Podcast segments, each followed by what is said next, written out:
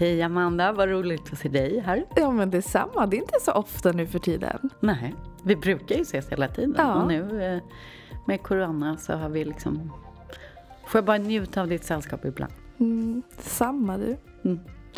Du, eh, det här är ju lite annorlunda eftersom jag eh, rent så formellt i alla fall är din chef. Sen vet jag fan om jag är det på riktigt. Det är oklart vem som är vems chef. Men du, första gången jag träffade dig var faktiskt i det här rummet. Är det sant? Och då kom du hit för att jag skulle intervjua dig för att du skulle bli praktikant på Allbright. Oj, wow. Jag brukar ha bra minnen men det här kommer jag faktiskt inte Nej. riktigt ihåg. Det, jag är lite Rain Man där. Men, eh, och då kommer jag ihåg att jag gick ut från den intervjun och gick till Rebecca som då var VD på Allbright och så sa jag så här, fan den där tjejen, alltså hon är riktigt, riktigt bra. Hon kommer gå långt. och, Jag rodnar. Ja, eh, i alla fall. Och sen så sa ju Rebecca upp sig. Ja, Så efter, vad var det, sex, sju månader? ja, något sånt. Allt gick fort där. Ja, det gick fort. Ja. Så eh, frågade jag om du vill bli VD för Allbright. Mm. Vad kände du då liksom?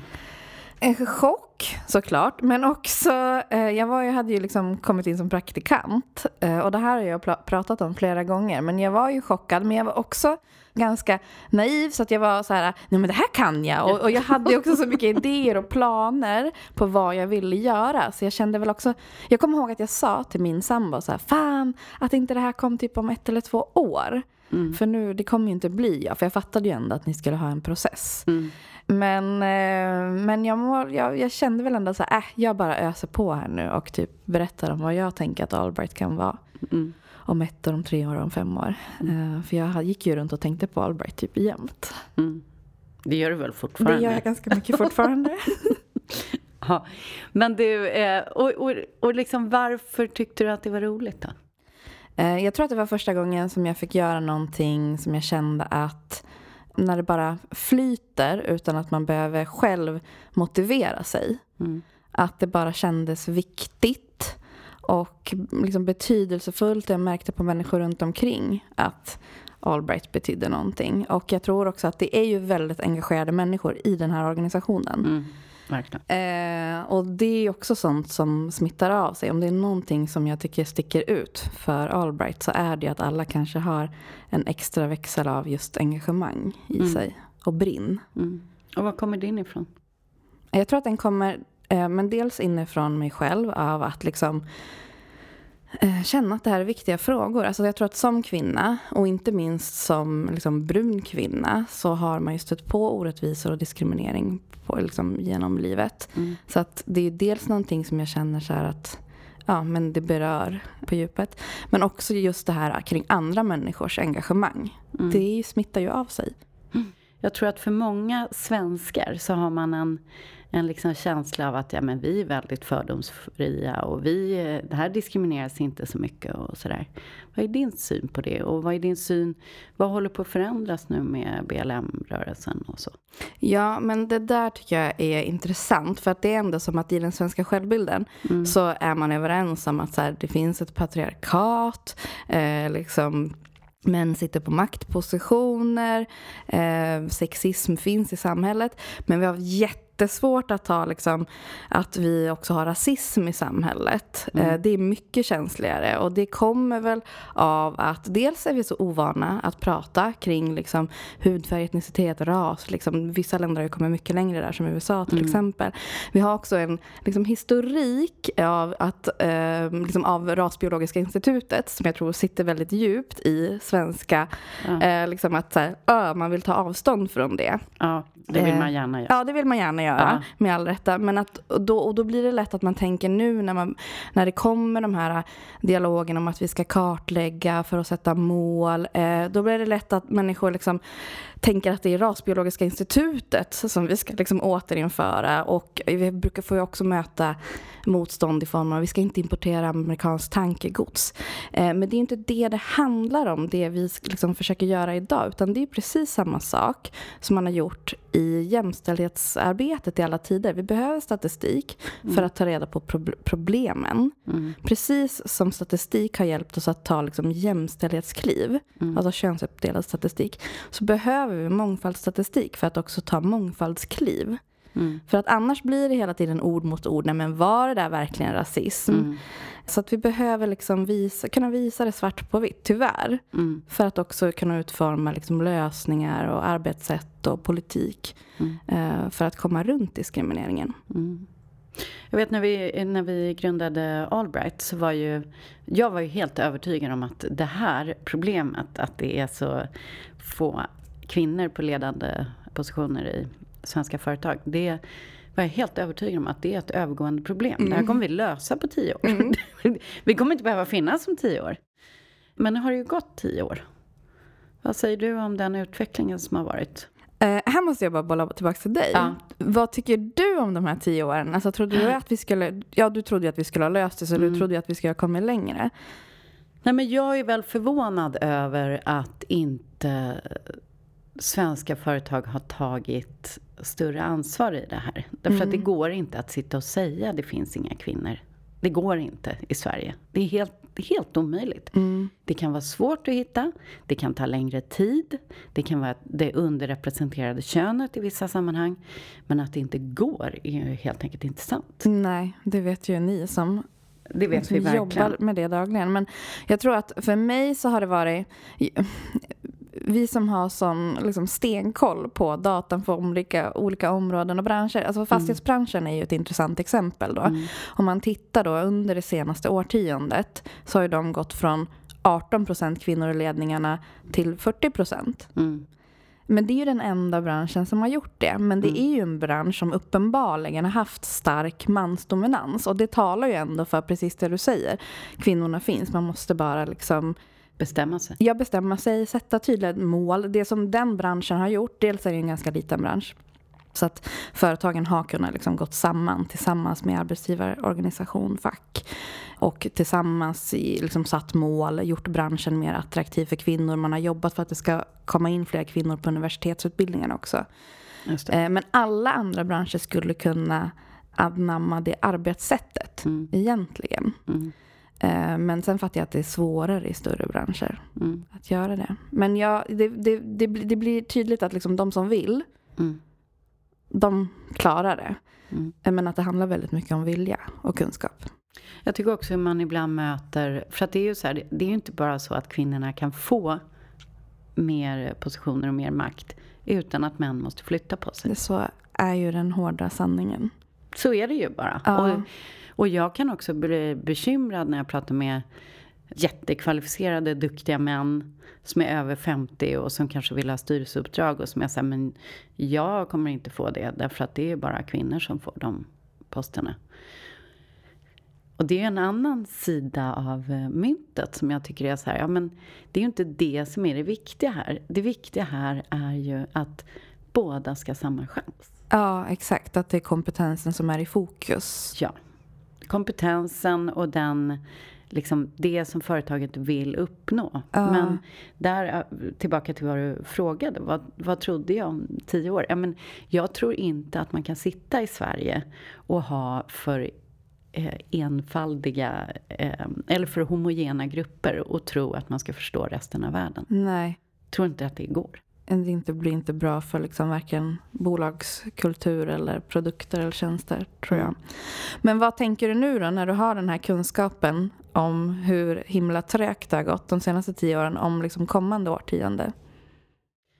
Men vi pratade om det när vi eh, värmde upp lite inför nu, att att det är jättetydligt att det faktiskt börjar hända saker, framförallt i ägarleden. Och då menar vi ju institutionella ägare, private equity, och andra familjeföretag och så vidare. Så märker man ju idag på ett helt annat sätt, vi märker det på våra kunder, att det finns, det finns en tydlig efterfrågan idag på att man vill ha både män och kvinnor på alla positioner. Och så fort de kraven börjar komma från ägarleden, då kommer det hända saker. Men vilka är det mest fart på då, tycker du? Är det liksom familjeägarna, institutionerna, PE? vad tycker du? Eh, Vi kanske har olika bild, ja, tror jag nämligen. Då skulle jag säga institutionerna. Mm. Att de ändå är liksom de som är mest ute i debatten Mm. och liksom pratar om de här frågorna. Mm. Eh, Och sen tittar man på siffrorna hur liksom institutioner så tror jag att de ser bättre ut också om jag inte missminner mig. Men att det är oftast familjeägarna som är lite liksom trögare. Mm. Jag tror inte man kan generalisera på det sättet. Nej. Därför att vi jobbar med familjeföretag som ligger längst fram, får man väl ändå säga till exempel. Mm. Axel Jonsson till exempel ligger ju väldigt långt fram. Och sen så finns det ju såklart andra där det går extremt trögt och så. Så svaret Men- är kanske PE då? Eller? Nej, nej men, nej, men det, jag kan säga så här. Där, där, det här pratade vi också om innan. Att, där man har sett nu snabbast förändring på senare tid.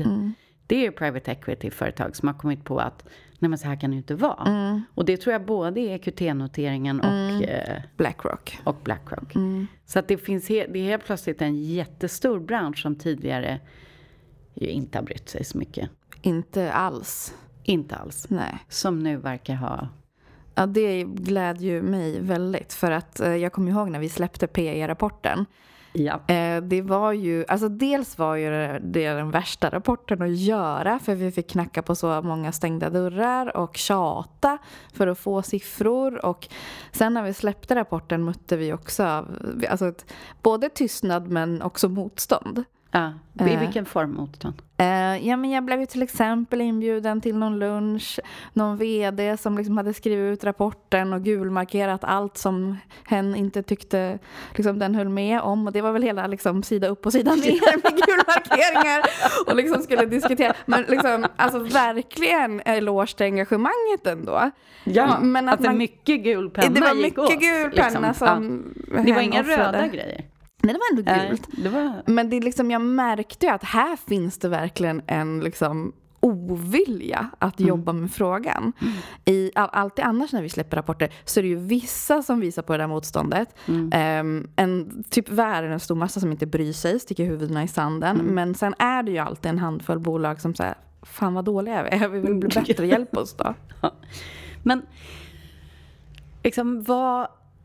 För, för, för jag kommer ihåg när den P-rapporten kom. Då pratade jag också med personer som jag känner i P-branschen. Och då var det någon som sa så här till mig. Men Mikaela, den här rapporten är helt onödig. För vi vet redan om, om det där. Det kanske var därför.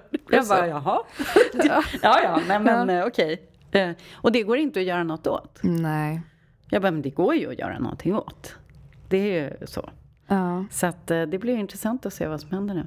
Och det är ju såklart sådär att så fort man kan börja peka på en konkurrensfördel. Så fort det blir en konkurrensfördel att ha eh, mångfald ja, i sin ledning.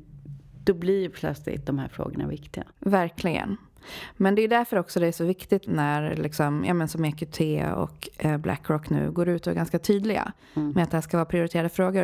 Det ska också bli spännande för att vd för amerikanska Nasdaq, ehm, där har man ju också varit väldigt tydlig med att man ska ha minst en person med utländsk bakgrund eller någonting sånt tror jag det är, i styrelserna. Så att när det blir liksom en större aktör som går ut och tydligt markerar att det här ska vara prioriterade frågor, då brukar ju det ge, ge ringar på vattnet. Det som har funnits med från början också i de här diskussionerna, det är ju liksom, finns det, alltså det jag har upplevt att det har funnits ett motstånd från många som tycker så här, nej men alltså det blir bara dåligt med för mycket diversifierade grupper. Det är bättre att hålla en tajt homogen grupp. Ja, och det där är intressant. För att om man kollar rent utifrån forskningen eh, så ser man ju att dels när eh, kvinnor har kommit in i styrelserna så har den kollektiva liksom, IQn höjts, alltså kompetensen i styrelserna. skönt. Ja. Ja, bara en eller?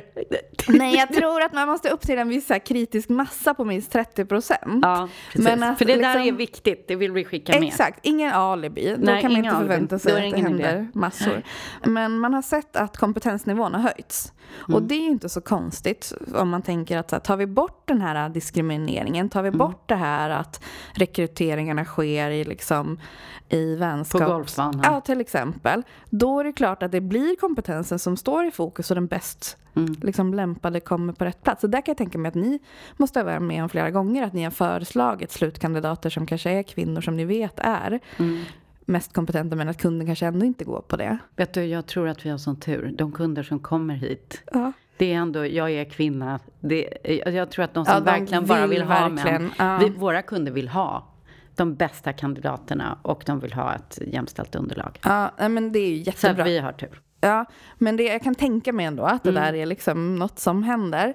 Eh, för jag vet, jag pratar med rekryterare där man har försökt utmana kunder, men att det inte alltid liksom det inte Mm. Nej. alltid går. Men eh, så dels så ser man ju att kompetensnivån höjs. Sen har man ju också sett i mångfaldsforskningen att bolag som har en högre mångfald Mm. presterar bättre vissa, på vissa, liksom, vissa lönsamhetsfaktorer eh, jämfört med bolag som har en lägre mångfald. Mm. Eh, men det viktiga här är ju att du också vet hur du ska leda mångfald. Du kan ju inte bara rekrytera massa människor med olika liksom bakgrund och perspektiv och tänka att så här, det här kommer gå toppen. För det kommer ju bli liksom diskussioner och friktion. Ja. Eh, Det är ju ashärligt när vi sitter där och är likadana allihop Mm. och allting går väldigt fort och man pratar samma språk. Mm. Och ofta är ju medarbetare ganska nöjda på Mm. företag där man är lika. Mm. Så, så vad du egentligen säger är att i en heterogen grupp så är friktionen högre, men också resultatet. Jag vill tro det liksom. Om man Ja. tittar på vad forskningen signalerar Ja. så tyder det ju på det. Men jag tycker också att man, det där kan man ju märka i alla typer av grupper. Eller hur? Ja. Även privat. Ja, även privat. Jo, men och, och att det finns någon slags framdrift i det också. Ja. Att det här, men, men nu kanske Sverige är ett lite konfliktobenäget land. Ja. Liksom. Men, men just det här, det spännande som händer i dynamiska, lite mer eh, liksom, heterogena grupper. Att man kan liksom känna att oj, nu, vad hände? Mm. Och är man då väldigt konflikträdd, då vill man kanske inte ha det. Nej, nej. Verkligen. Nej, men jag tycker bara om vi tittar på Allbright som organisation också, om man får vara lite så här navel Ja, man ska gärna vara Ja, navelskådande. men vi är en organisation som präglas av liksom höger-vänster politiskt. Mm. Ehm, liksom unga, äldre. Ehm, Men är du äldre då? ja, jag börjar bli... Det är jag, ju jag som är äldre. jag vet, men vet du, jag har Ja. insett att nu, jag är ju liksom bland de äldre Ja, nu. jo. Ja. Ja, men det går ju åt det hållet. Det går åt det hållet hela tiden. Så är det ja, Men man får ändå säga att det är bra åldersbredd på Allbright. Det är bra åldersbredd. Ja. Den äldsta är väl 75. Plus. Va? Mm. Mm. Och den yngsta är väl runt 20 nu tror jag. Mm. Så det är, Det är bra. bra. Det är bra. Ja. Och vi har ändå en liksom, ehm, ganska bra representation vad gäller utländsk bakgrund och så vidare. Så att, Och jämställda såklart. Mm.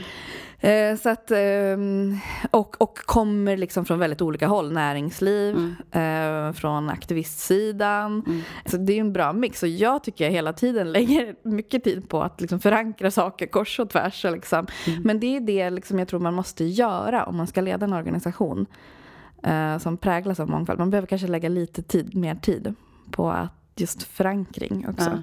Jag pratar med, eh, jag pratar med andra personer som just har såna här lite mer eh, spretiga organisationer, Mm. om man säger så. Som säger att det interpersonella, alltså relationerna, Mm. behöver man lägga tid på Mm. i ledarskapet. Att se till att, liksom, att det fungerar. Ja, Det, det måste få ta tid. verkligen. Man får inte springa förbi någon och tro att saker är liksom självklara. Men vad, vad tror du då? Därför att Allbright, vi vill ju tro att Allbright faktiskt har påverkat mångfalds och jämlikhetsarbete i Sverige. Vad tror du beror på att vi har nått fram? Jag tror att eh, just att ehm, stiftelsen är sprungen ur liksom näringslivet, alltså att det är näringslivspersoner som har startat organisationen, tror jag ändå har bidragit jättemycket för att man då har kunskapen om hur liksom, bolag faktiskt fungerar. Så att det inte kommer liksom, från ett annat håll eh, och man står och liksom säger att så här borde ni göra utan att också liksom behöva förhålla sig till verkligheten. Mm. Man förstår komplexiteten i organisationerna på riktigt. Så jag tror att det, och liksom, det ger ju såklart också legitimitet Mm. hos näringslivet när det är liksom, ja, men som du och Sven som har varit med från början. Personer som, som liksom kommer från näringsliv, kan näringsliv. Mm. Det tror jag spelar jättestor roll. Och sen tror jag att det i kombination med att det finns många personer som har väldigt, väldigt hög kunskap i de här frågorna, alltså i mm. sakfrågorna, jämställdhet, jämlikhet, tror jag har varit liksom vin, vinnarrecept. Mm. Nej, men och sen, och sen, ska vi ta det här lite med kvotering eller? Mm, mm. Ja. Därför att när, när vi, när vi eh, grundade Allbright då fanns det ju ett väldigt tydligt politiskt hot om kvotering. Mm. Som drev mycket av den här debatten när vi satte igång. Och då var det ju kvotering till styrelserna. Och då, så Allbrights egentligen ursprung var ju att vi tänkte så här, nej men om vi riktar strålkastarna på företagsledningarna, då kommer man ju se att det finns väldigt litet eh, rekryteringsunderlag. Och då kommer man ju vilja ändra i företagsledningarna. Mm. Sen har det här hotet om kvotering försvunnit. Mm. Och det vi kan se jättetydligt då är att då har ju också den här ökningen i styrelserna stannat av. Helt och hållet i samband med att hotet försvann. Mm. Och vad säger vi om det då, Amanda? Ja, alltså det här är ju någonting som vi har stött och blött under alla mina år på Albright och ni gjorde det ju innan jag mm. var på plats mm. också. Och jag tror att det var helt rätt att säga att vi tror på näringslivets förmåga. Det här ska mm. man kunna klara av utan kvotering. Mm. För det är väl ändå allas önskemål. Eh, men onekligen så är det ju så, det måste vi ändå erkänna, att mm. nu står vi stilla på 34 procent kvinnor i styrelserna.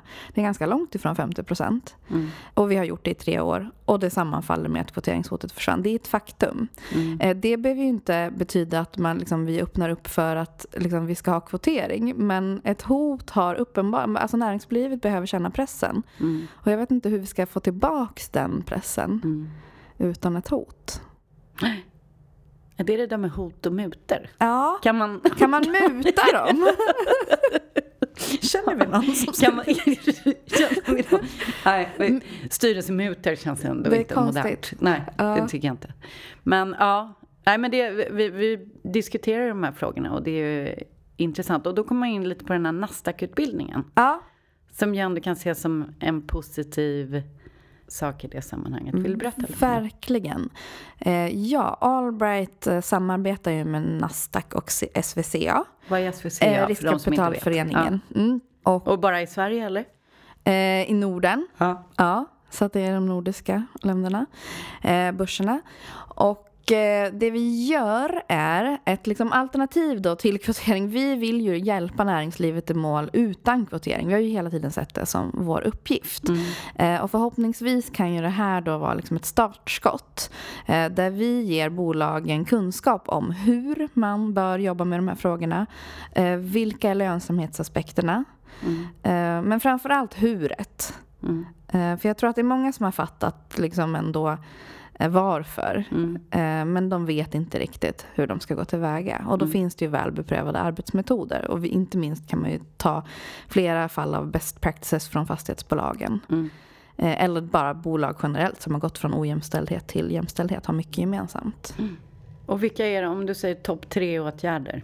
Topp tre åtgärder det är att man måste börja med kartläggning. Mm. Kartläggning av bolaget. För att, ta reda? Ja, mm. för att ta reda på problematiken ligger. För det kommer alltid vara de i organisationen som hävdar att nej men vi har inga problem, det där finns hos andra men inte hos oss mm. och så här har alla en möjlighet. Mm. Så att man måste liksom bara svart på vitt få fram hur det ser ut.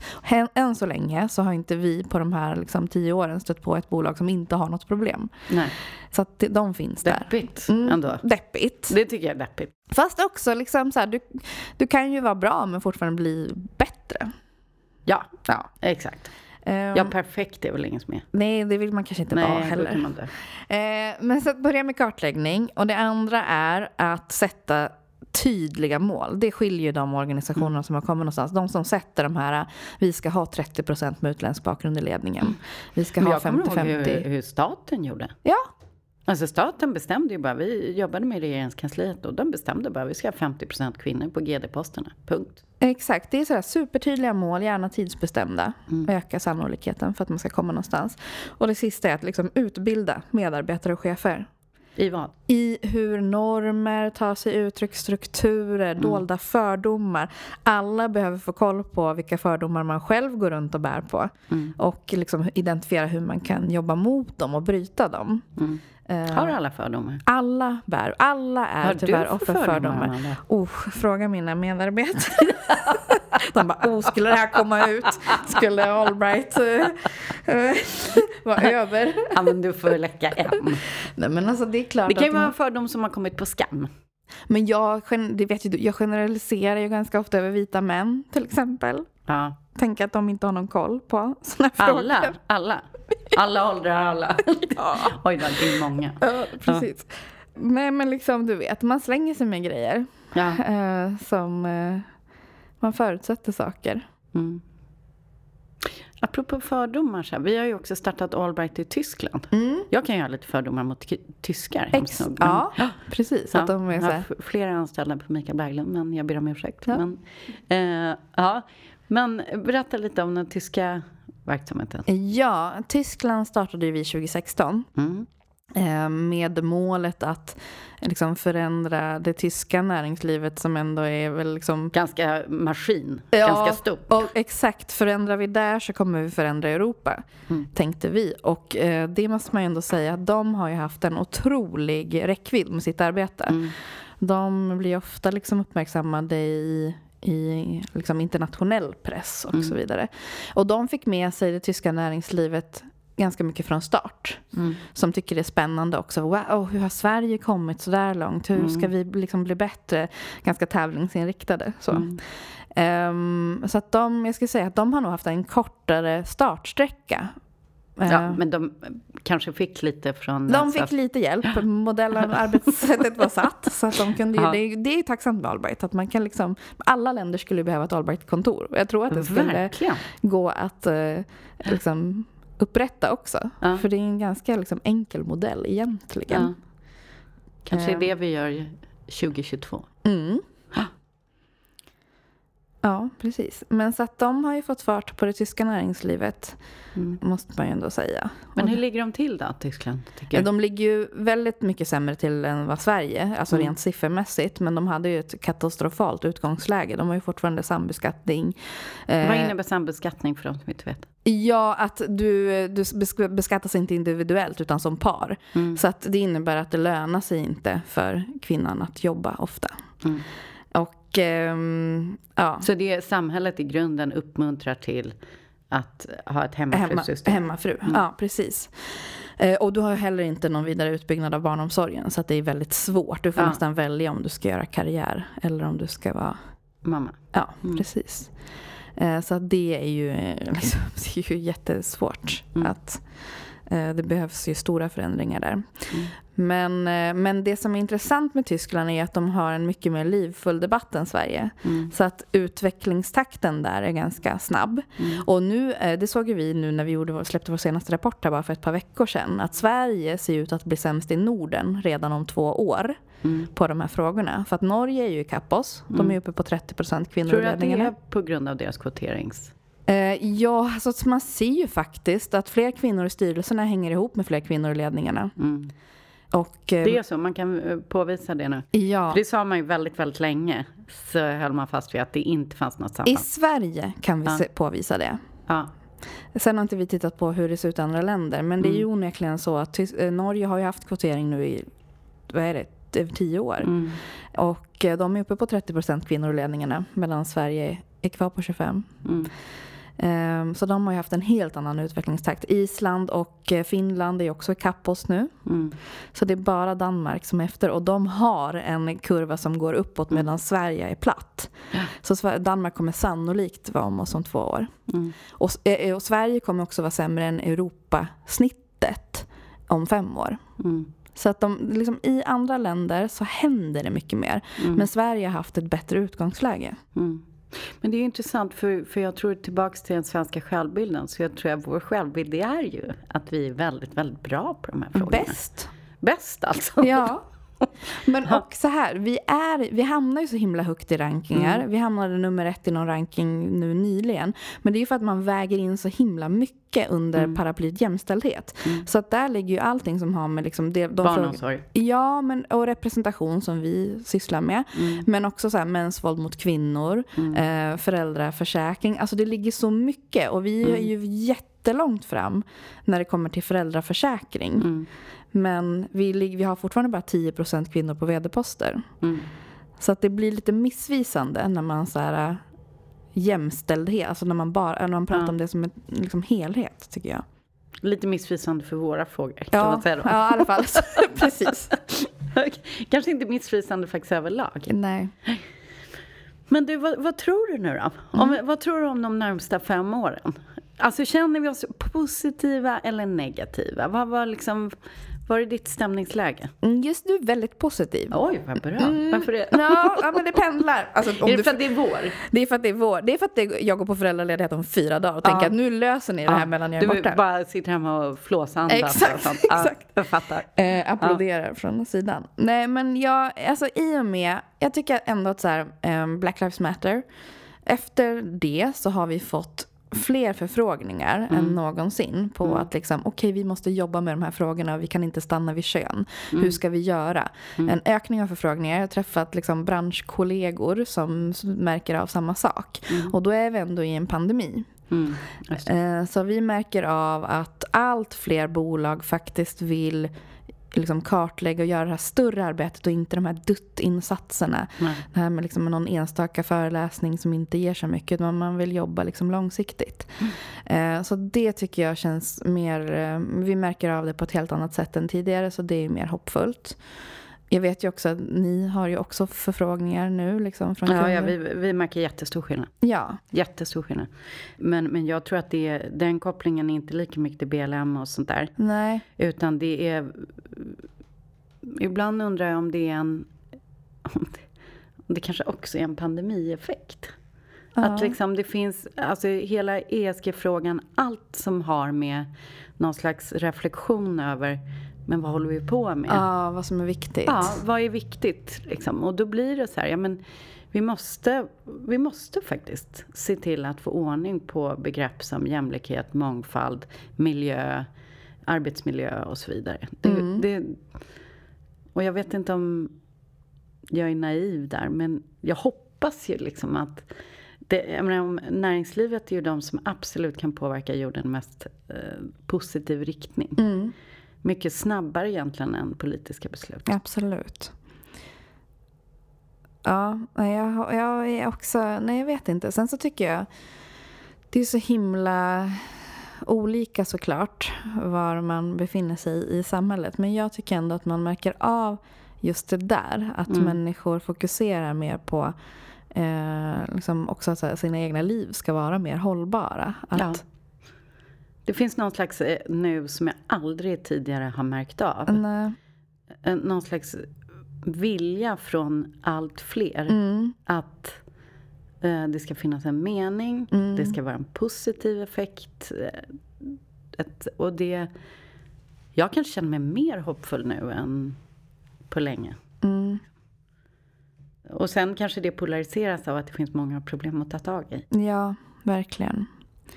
Uh, nej men det ska bli väldigt... Um, ja, det blir intressant att se hur det kommer vara efter mm. det här. Om vi snabbt bara kommer återgå och glömma liksom, de mm. lärdomarna som man har fått med sig nu. Om man bara återgår till gamla mönster. Eller om vi faktiskt lyckas hålla i. Mm. Men du, eh, det här med Allbright då. Vi började väldigt, väldigt tydligt i jämlikhet. Ja. Och så kom metoo och sådär. Så kanske faktiskt eh, hjälpte till i viss mån. Och nu så tar vi det här klivet till att även titta på mångfald ja. i stort. Hur svårt är det klivet? Ja, du menar börja med kön liksom, ja. som utgångspunkt? Ja. Jo, men det är ju en resa. Alltså, mm. Jag har ju märkt av under de här åren, så mm. fort jag har liksom nämnt utländsk bakgrund eller pratat mm. liksom, om att människor är bruna eller svarta eller pratat mm. kring utländskt klingande namn, då sätter ju trollen igång. Alltså, mm. för, då, då märker man verkligen av dem. Ja, men de här människorna som bara liksom, så här, äh, flytta härifrån om det inte duger och mm. liksom, som kommer med liksom, rasistiska påhopp och och eh, tonen blir mycket hårdare. Det blir mycket mer arga. Har du mycket sånt? Nej, jag tycker ändå att vi är förskonade Mm. faktiskt. Eh, det tycker jag jämfört med många andra. Eh, men absolut att det är ju en drös, liksom, särskilt i samband med rapportsläpp. Men, eh, Hur tar det på dig? Nej men faktiskt, jag tror att vi har hittat någon bra, vi, vi delar ganska mycket internt i organisationen Mm. och um, hanterar mycket genom att liksom mm, vi, helt ärligt, vi skrattar ganska mycket åt saker och ting. Mm. Mm. Och liksom, sen är det klart att man så här, åh, blir liksom, kan bli så här less och så också. Men ja, vi, alltså 90 procent är ju kärlek. Mm. Mer än 90 procent är kärlek.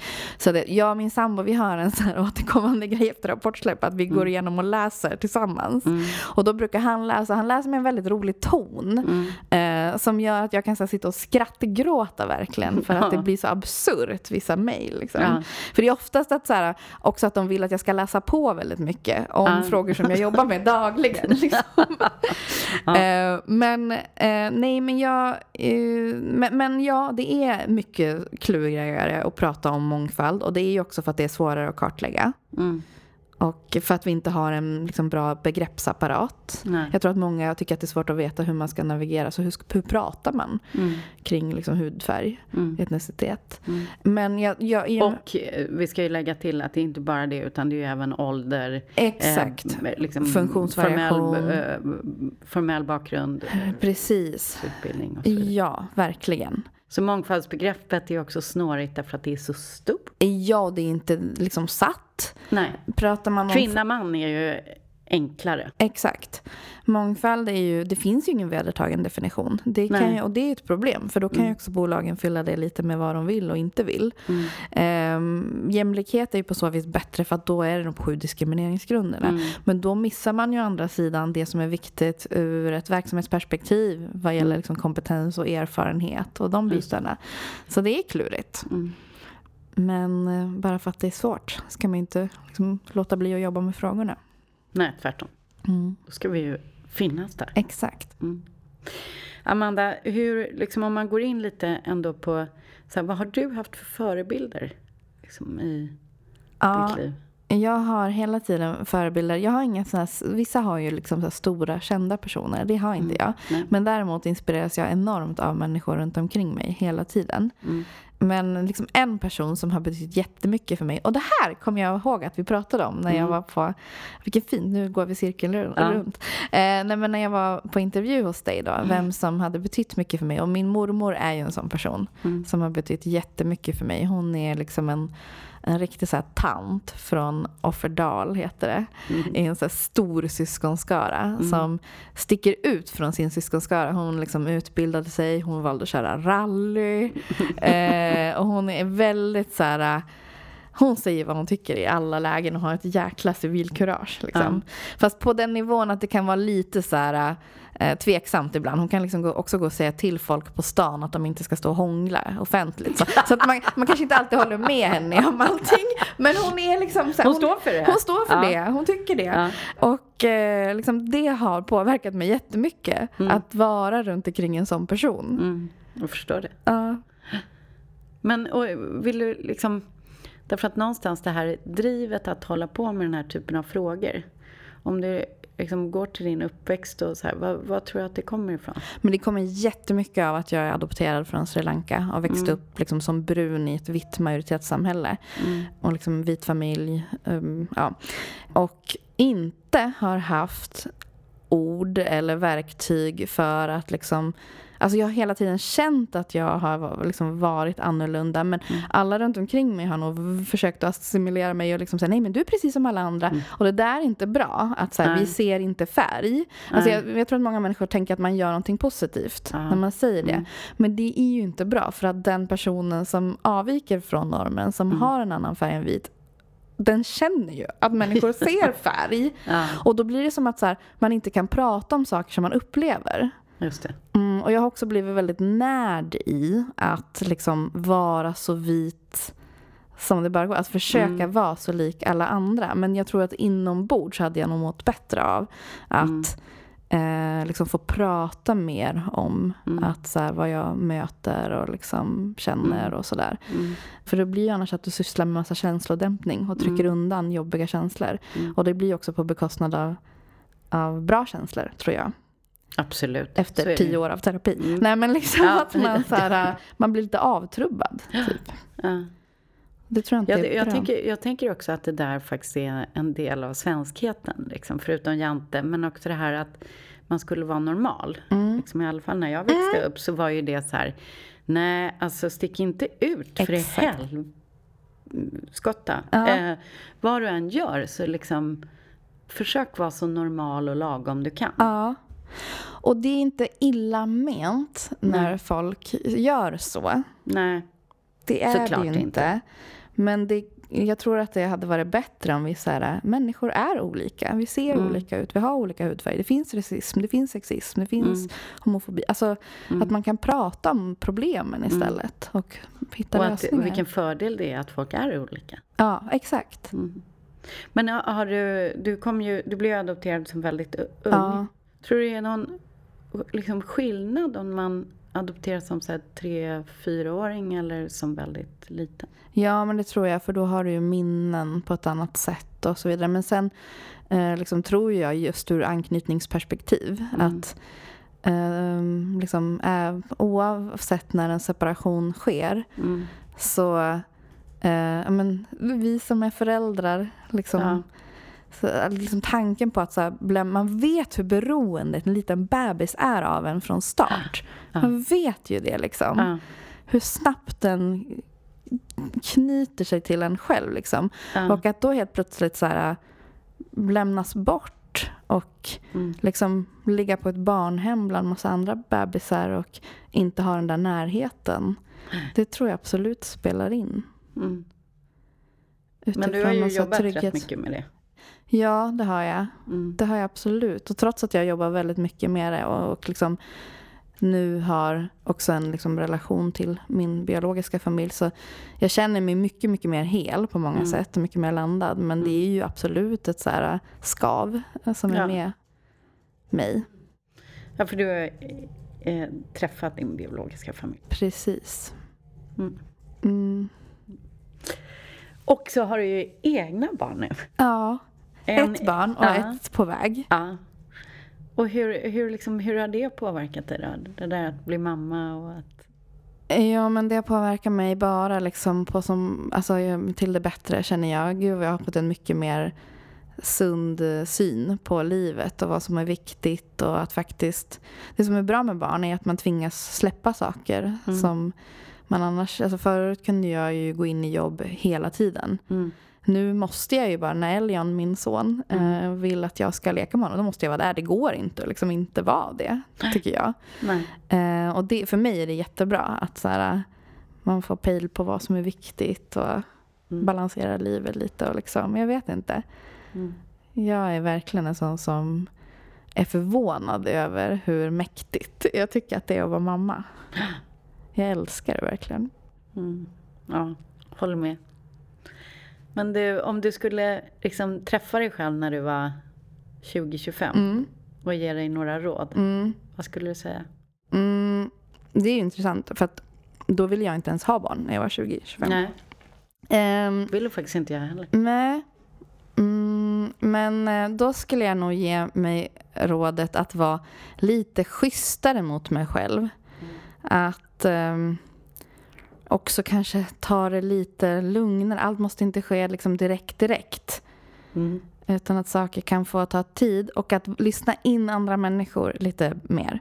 Mm. Det hade ju jag ett jätte, det minns du säkert, jätteproblem med i början. Att jag fattade beslut eh, fort. Nej, det kommer jag inte ihåg.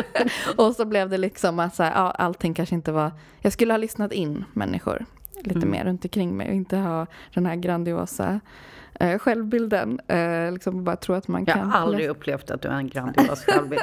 Du kanske har haft det under, men jag har inte känt så. Ja, nej, men det är bra att det inte har märkts då. Men Nej. jag kan känna idag i alla fall att jag låter saker ta lite mer tid och det blir oftast bättre. Mm. Och vad gör du när du vill bli inspirerad då? Ehm, då... Åh, vilken bra fråga. Jag tror att när man jobbar med såna här frågor så får du ju, alltså du får så himla mycket bekräftelse Mm. och inspiration för att människor hör av sig och tackar Mm. för vårt arbete. Alltså hela, hela tiden händer Mm. det. Att så här, åh det här hände mig och så liksom Mm. hörde jag er föreläsning när ni sa det här och då tillämpade jag den strategin eller så här. Och det Mm. blev jättebra och så här, tack för era rapporter, det är precis det som jag behövde för att så här, få igång det här arbetet hos oss eller liksom Ja, ni är så viktiga det ni gör. Alltså det är sånt Mm. där hela, hela tiden. Så att det ger ju såklart massa, eller det blir ju inspiration. Mm. Och bara att man också ser att det faktiskt ändå går lite framåt. Mm. Sakta, Sakta, sakta. även om vi halkar efter. Men liksom siffrorna går ju lite framåt hela tiden. Mm. Vilket är ett kvitto på att det vi gör ändå har någon sorts effekt. Mm. Okej, då blir nästa slutfrågan, Amanda. Ja. När behöver inte Allbright längre finnas? När lägger vi ner Allbright? Det är ändå målet med vår verksamhet. Ja. Oh, senaste rapporten heter ju eh, Mycket gjort, mest kvar. Ja. För övrigt väldigt bra titel. Ja, Tycker jag vi ska ge en eloge till Claes Hemberg. kudos Claes Hemberg. Ja, Han får alldeles för lite cred. Ja. Eh, men ehm, vi säger, nej alltså jag säger typ 2050. Och fy vad deprimerande. Ja, men det är ju för att vi inte som sagt, vi ska inte stanna vid kön.